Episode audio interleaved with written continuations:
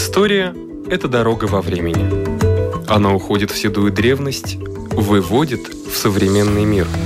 Она показывает, рассказывает, объясняет. И не перестает удивлять. Живая история.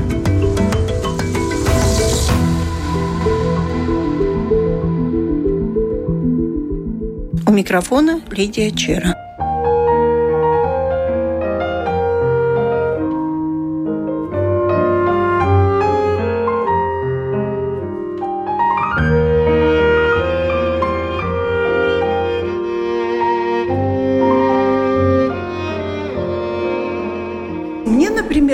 Нравится то, что в музее Яна Розенталя и Рудolфа Блауманиса очередной эксперимент, потому что это все-таки экспериментальный фильм. Сотрудник музея Даци Воса. Что за выставка? И такой довольно своеобразный подход этой выставке. Да, эта выставка очень своеобразная, очень уникальная. Мы сотрудничаем с финской художницей Элина Салоранта, и она создала выставку, которая посвящена жене Яниса Розентала, Эли Форсел, и и ее двум сестрам. Да, да, именно так. И основа этой выставки – это письма, которые Элли писала своим родственникам а также две письма, которых писали ее сестры Анна и Лиси. И эти письма свидетельствуют о разных сложных периодах в ее жизни, разных ситуациях, которые они должны пережить, найти выход из горя, из разных проблем. И, к сожалению, не всегда эти ответы, эти решения самые простые. И, э, это уже после смерти Розентала? Нет, это при жизни Розентала. Это самое начало 20 века. И художница Элина Салоранта создала три художественные видео, которые посвящены этим письмам. И трем сестрам. Трем сестрам и именно этим письмам, именно этим трем письмам, которые создают эту основу выставки. И каждый посетитель выставки приглашен писать свое письмо как ответ на письма Элли и ее сестер. Кажд... Я так понимаю, что первый ответ написала сама Солоранта. Да, сама Солоранта уже написала свой ответ, и можно сказать, что ее видеоработы тоже являются таким своеобразным ответом, как она интерпретует эти письма, но а также ответы написали уже многие-многие люди. Многие люди Финляндии, многие люди за границами Финляндии, и теперь все жители Латвии тоже приглашены при прийти, подумать о жизни, своей жизни, жизни этих женщин и помочь найти ответ на эти сложные ситуации для них, может быть, какой-то мере и в основном сами для себя. Потому что сложности, которые связаны с жизнью женщин начала 20 века, разными ограничениями, которые они пережили, это, конечно, наши дни по-другому, но все-таки что-то из этого все осталось. осталось. Что-то задержалось. Что-то да. задержалось, и разные проблемы, которые касаются жизни женщин сегодня, они тоже требуют требует какое-то решение, какое-то понимание, и об этом хочет говорить наша художница. И конкретики побольше. О чем переживали сестры? Какие проблемы они не могли решить? Две сестры, соответственно, жили в Финляндии, Элия жила здесь, в Латвии. А, уровень эмансипации женщин у нас был, в принципе, одинаков. Они понимали друг друга? Они понимали друг друга, и уровень эмансипации был похож помощь. Но да, эти проблемы были близки. Элла и сама была креативная личность, певица, певица с большим талантом. Жизнь наложила ограничения, когда она стала матерью, стала женой. И, конечно, не всегда это все было очень гладко. И не всегда Элли с своей сдержанностью, со своей благосклонностью, не всегда ей было очень легко пережить моменты, когда, например, в семье началась какая-то большая или маленькая буря. Лиса и Элли писала друг другу письма во время, когда умер их брат. Это было тоже очень тяжкое время для их семьи. У них были два брата, они вообще-то оба умерли молоды.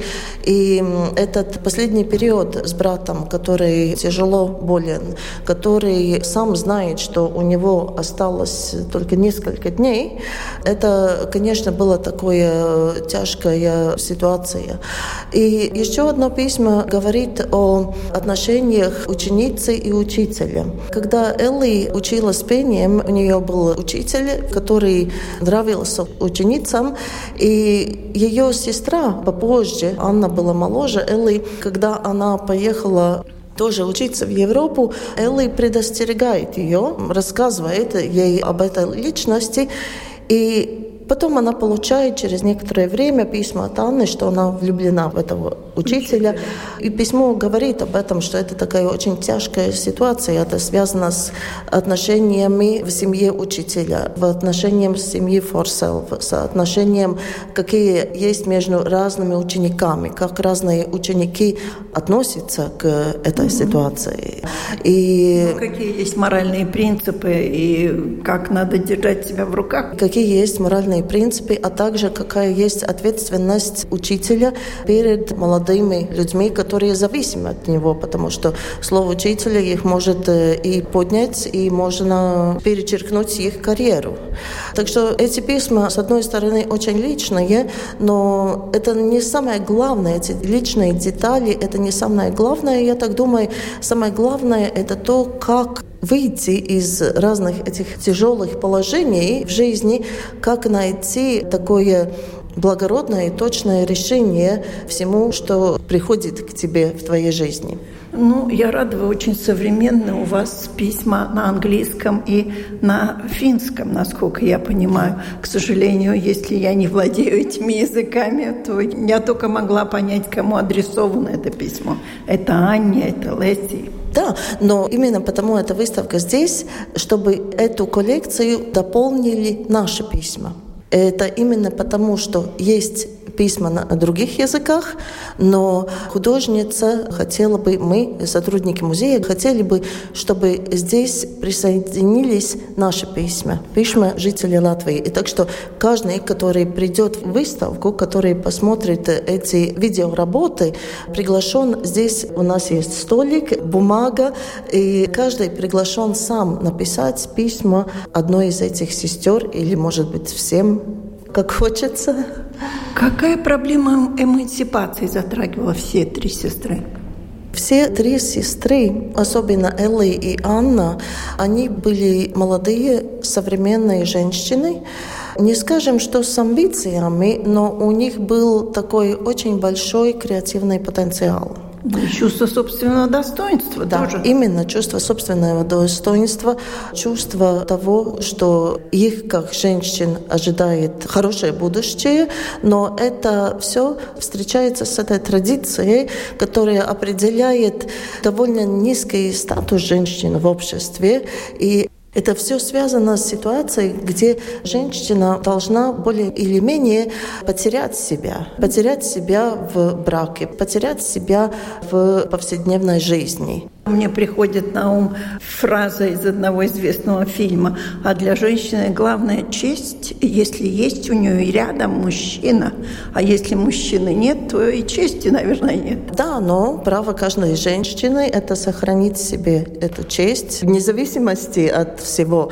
От этого они страдали. Да, но это, может быть, звучит так очень плоско и примитивно, но это связано с такими проблемами, которые не потеряны и сегодня. И сегодня всегда, когда мы строим отношения, когда мы строим свое будущее, мы должны идти на компромисс.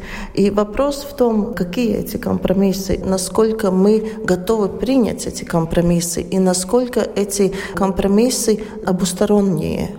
И насколько мы готовы потерять себя, хотя в какой-то мере себя должны потерять оба, и мужчина, и женщина. А Ян Розенталь тоже был, ну, как сказать, современным мужчиной? Или он был тоже из тех, кто считал, что глава семьи – это мужчина, а женщина как бы там где-то. Розентал с большим респектом относился к таланту Элли, к способностям, к концертам, где выступала Элли. Но в то же время, как художник, он был довольно эгоцентричный.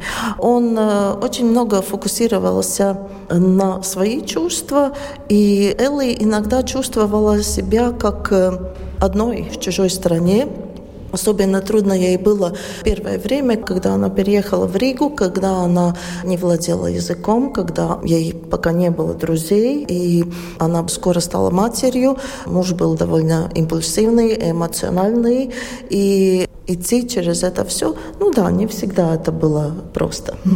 Я думаю, что я еще спрошу о том, как складывались отношения вот в этом плане у одной нашей самой выдающейся пары, у Райниса и Аспазии. Спасибо.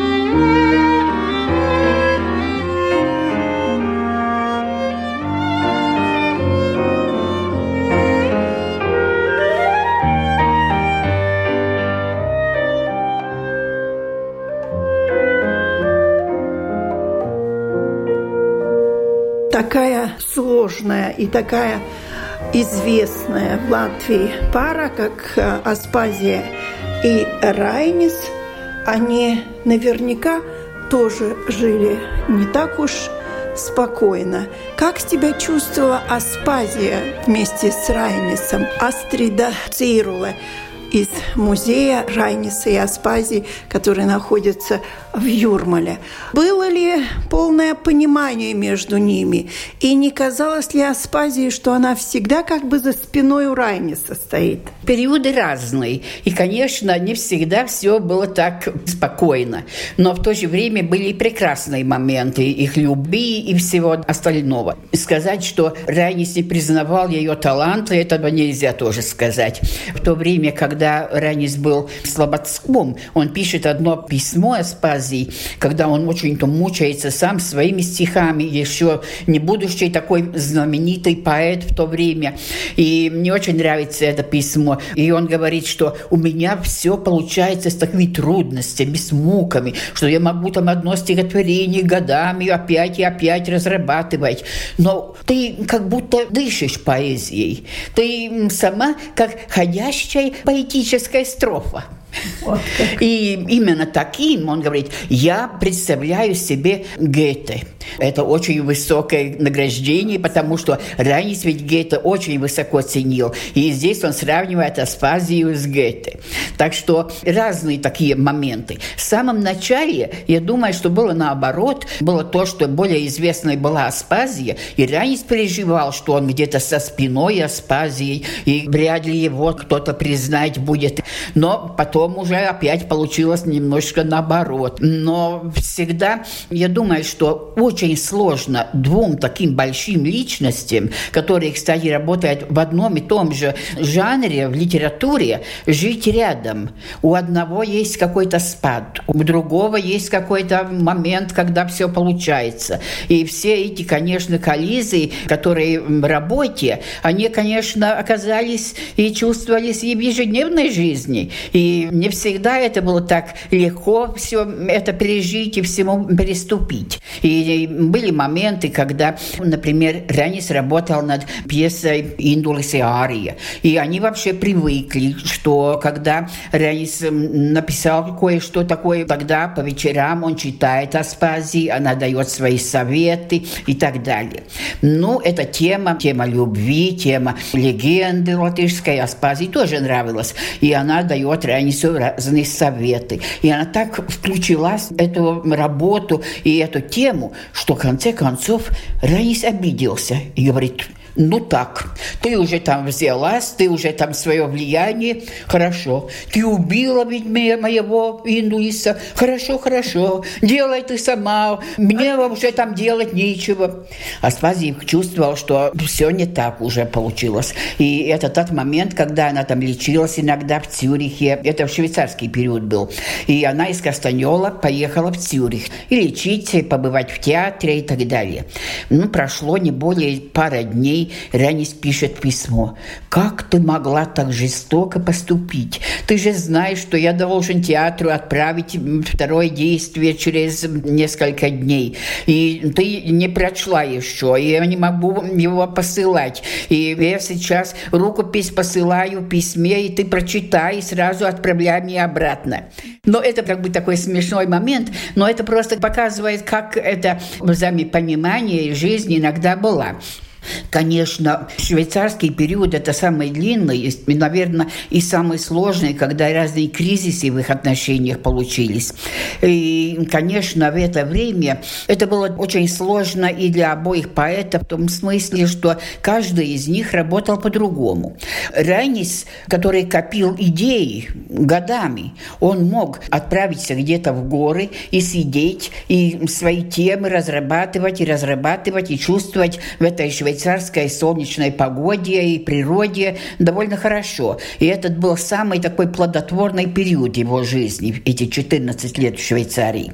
С Аспазией было все наоборот. Она работала по-другому, она не воспринимала швейцарскую природу так, как Райнис. Она очень тосковала по Латвии, по природе Латвии, по разными временами года, которые там в Швейцарии меньше чувствовались. И, главное, ей нуждались новые впечатления. Если Ранис накопил идеи и работал, работал, работал над ними, то Аспазия писала моментально. Ей был какой-то импульс, какое-то впечатление, какая-то встреча, какой-то момент, и она могла буквально без всяких таких изменений сразу писать свои стихи. А там, там же было нечем встречаться. Некоторые гости, которые приехали, но так это ежедневная жизнь, это томило Аспазию. И Здесь, конечно, очень много говорится о том, что Аспазия стала как бы жертвой тем, что она занималась хозяйством и все отложила для того, чтобы работать и помочь Ранису. Ну, конечно, так это часто получилось, естественно, но я думаю, что если у Аспазии был такой подъем и желание работать, то она бы бросила, пусть этот Ранис сам найдет чего кушать на обед, и села и работала. Но ей это было труднее и сложнее, потому она возвращалась в прошлое, в Латвию, в свое детство и пишет лирическую автобиографию. И почему? Она говорит, что тогда, когда молодой человек только-только что открывает свою жизнь, он еще не сломанный, он, который еще все ищет, и у него есть возможности открывать, и это она хотела показать в своих стихах того времени. Она была же вообще не зря она взяла такой псевдоним Аспазия. Она как я даже не знаю, как богиня, как такая бросившая вызов всему обществу. Вот такая она была в молодости. А потом вот э, не пожалела ли она, что много где она растеряла своей энергии такой воинственной? Ну, я думаю, что нет, потому что 20-е годы, когда она опять возвращается в Латвию, это уже такой новый подъем в ее творчестве. И интересно, что она пишет пьесу Спазии на эту же тему хотела как бы раскрыть, зачем это имя выбрала своим псевдонимом.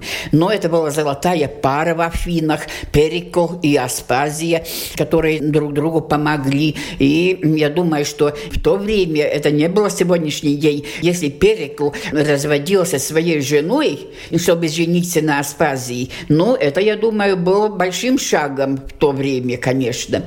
Но главное, что в этой пьесе она показывает двух больших личностей Перикла и Аспазию и говорит, что мой Перикл – это Райнис. И здесь, если мы сейчас говорим о том, что какие-то социальные взгляды и так далее, то именно в этой пьесе Аспазия старается показать такую абстрактную, как бы демократическую республику, такую власть, о которой она мечтала здесь, в Латвии. И когда идет текст о том, что Аспазий там стоит у моря и говорит, говорит, но моя страна – это как бы маленький такой кусочек лебеди, который брошен в море, то я думаю, что Аспазия в своих мыслях думала о Латвии, хотя пишет о Греции, которую она, конечно, и античную культуру очень любила. Так что разные пары по-разному складываются отношения. Но в начале 20 века, до годов 30-х, все-таки положение женщин было по сравнению с положением мужчин второстепенным. Ну, Аспазия за это, я должна сказать, даже боролась. Хотя она никогда не была такой воинственной феминисткой. Да. Но когда они возвращались, сперва не было еще Сейма. Два года, с 20 по 22, это было, соответственно, Саполция. Это собрание Конституции, которое два года разрабатывало эту Конституцию. И тогда 22 был уже голосование на первую Сейм. Но но в этом собрании Конституции здесь Аспазий также была депутатом, как и Райнис. Они оба входили в это количество депутатов и работали над этими законами. Так что Аспазия хотела и участвовать в этой общественной жизни. В Сейм она не попала. И тогда интересно, что в тот первый Сейм не было ни одной женщины. Потом, позже, там была один раз одна, потом, наверное, две, не больше. Но первой ни одной не было. Вот оно свидетельство да. эмансипации. Да, и Аспазия говорит, что она очень смотрит на это с такой как бы жалкостью, что ничего интересного. Она говорит, что не только то, что мужчины, но даже женщины не голосовали за женщин, что они тоже голосуют за мужчин. Как это несправедливо и что они не понимают. Ну, удивительно. Да, правда, что да. они не понимают этого. Но когда, когда эти законы еще принимались, она выступает с своими речами тоже.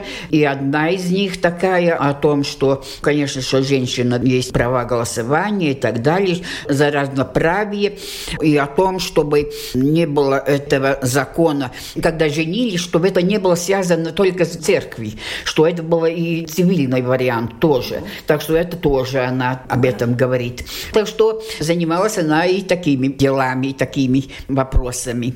Ничто человеческое не чуждо тем даже, кто жил сто лет назад. А вообще-то эта тема, конечно, очень интересная, чисто с исторической точки зрения отношения вот таких людей. Аспазия уверена в том, и то, что как она этого феминизма представляет, воспринимает, она говорит, что это не такое глупое, абстрактное, что они одинаковые, мужчина и женщина. Они разнообразны, они каждый отличается от другого своей личностью и так далее но у них одни и те же права. Права получить образование, права раскрывать свою личность и достичь своей цели. Так что в этом они должны быть одноправны. Спасибо. У нашего микрофона была сотрудница музея Райниса и Аспазии в Юрмале Астрида Цирула.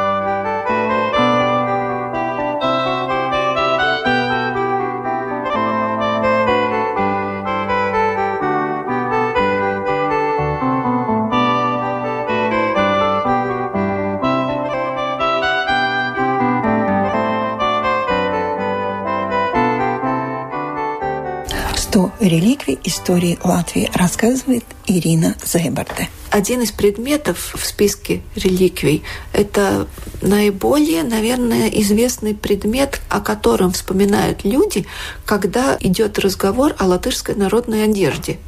Это пояс Лелварды, Lielvārdas josta. Lielvārdas josta – название по волости, по названию волости в Латвии на э, берегу Даугавы, но э, надо сразу определить, что пояс Lielvārde распространен не только на территории теперешней волости Лелварды. Он распространен был и на территории девяти близлежащих других властей, например, э, Юмпрова, Кастраны, Крапе, Лаубере, Ледмане, Мадлена, Ремба, Теверене. Это территория распространения этого пояса.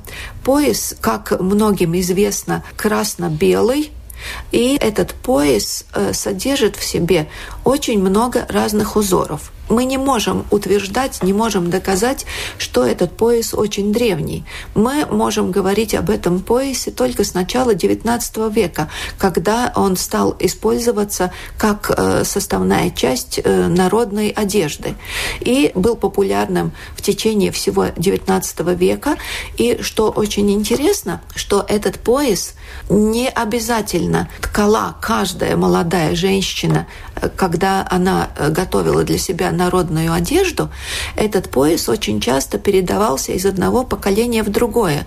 И многие из тех поясов, которые находятся в нашем музее, они пользовались несколькими поколениями женщин одного семейства, одного рода эти пояса очень сложные в исполнении, потому что на этом поясе, несмотря на то, что, как я уже сказала, он содержит нити только двух цветов, красного и белого, узоры, которые вытканы на этом поясе, они чередуются между собой, и э, фрагменты, какие-то определенные циклы этого узора, который может составлять только ну, несколько сантиметров, несколько десятков сантиметров, он не повторяется. Он не повторяется, несмотря на то, что э, большинство поясов длиннее, чем 2,5 метра. Между двумя с половиной и тремя метрами может быть длина этих поясов. И вот представьте, что на этом поясе, например, повторяются 10 разных циклов разных узоров. И эти узоры, конечно, геометрического свойства, они корнями уходят символы, узоры, э, которые приняты на территории Латвии уже тысячелетиями время э, эти узоры, и та же э, свастика, и узор, который связан с Богом, и с Аустрас Кокс, и многие другие узоры, они в своей такой очень интересной комбинации никогда не повторяются. И поэтому, может быть, с этим предметом, с этой реликвией связаны и даже, может быть, такие легендарные версии, мистические. мистические версии. Вот именно, потому что есть люди, которые считают, что это не простое чередование узора, а это какое-то повествование, которое зашифровано, и этими вот узорами геометрическими, чередованием их, тот, кто ткал этот узор, что-то хотел нам повествовать или что-то зашифровать. Даже есть э, такие люди, которые считают, что это уже зашифрованное какое-то повествование для будущего. Есть очень разные версии. Люди в одни верят, в другие не верят. Это, конечно, дело самого человека, но то, что по своему исполнению этот пояс уникален, об этом не стоит сомневаться. Есть, конечно, даже одна версия о том, что это повествование каких-то небесных э, событиях, небесных, звездных, лунных телах. Э, так что это может быть э, очень интересным рассказом, и поэтому историк, наверное, должен сказать и о том, что эта вещь она довольно практическая, но каждый, конечно, имеет право этой вещи придать какое-то и мистическое значение. Еще я бы хотела сказать, что в нашем Национальном музее истории Латвии хранится самая большая коллекция этих поясов – их 70. И надо еще сказать о том, что этот пояс как бы получил вторую жизнь, второе дыхание, когда в конце 80-х годов 20 века началась третья отмода. Он стал одним из символов национального самосознания, того, с чем идентифицировалась латышская культура, народная культура. И вот эти знаки в Лелвардском э, поясе, они стали использоваться очень широко. И в, во время Атмод они были символом даже многих организаций и многих э, обществ. Я думаю, что это вот вторая жизнь исторического предмета, она только доказывает то, что этот предмет действительно, если он со смыслом и если он из древней традиции происходит, он имеет место и право жить и в современности. А мужчины или женщины носят леовардский пояс? Трудно сказать э, определенно он носился и к одному, и к другому одежде комплексу.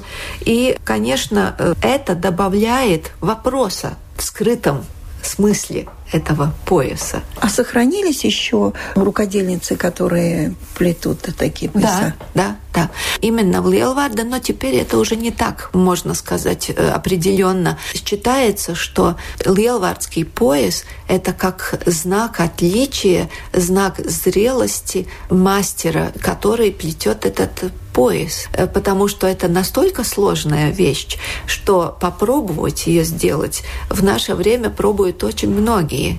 И это такой знак зрелости, когда получается лилвардский пояс, потому что в наше время их э, и можно купить, например, на ярмарке в этнографическом музее, на других ярмарках, и можно заказать, если, например, человек заказывает для себя весь лилвардский комплекс народной одежды, конечно, этот пояс будет неотъемлемой частью. Рассказывала Ирина Зайбарте. На этом наша программа заканчивается. Всего вам доброго.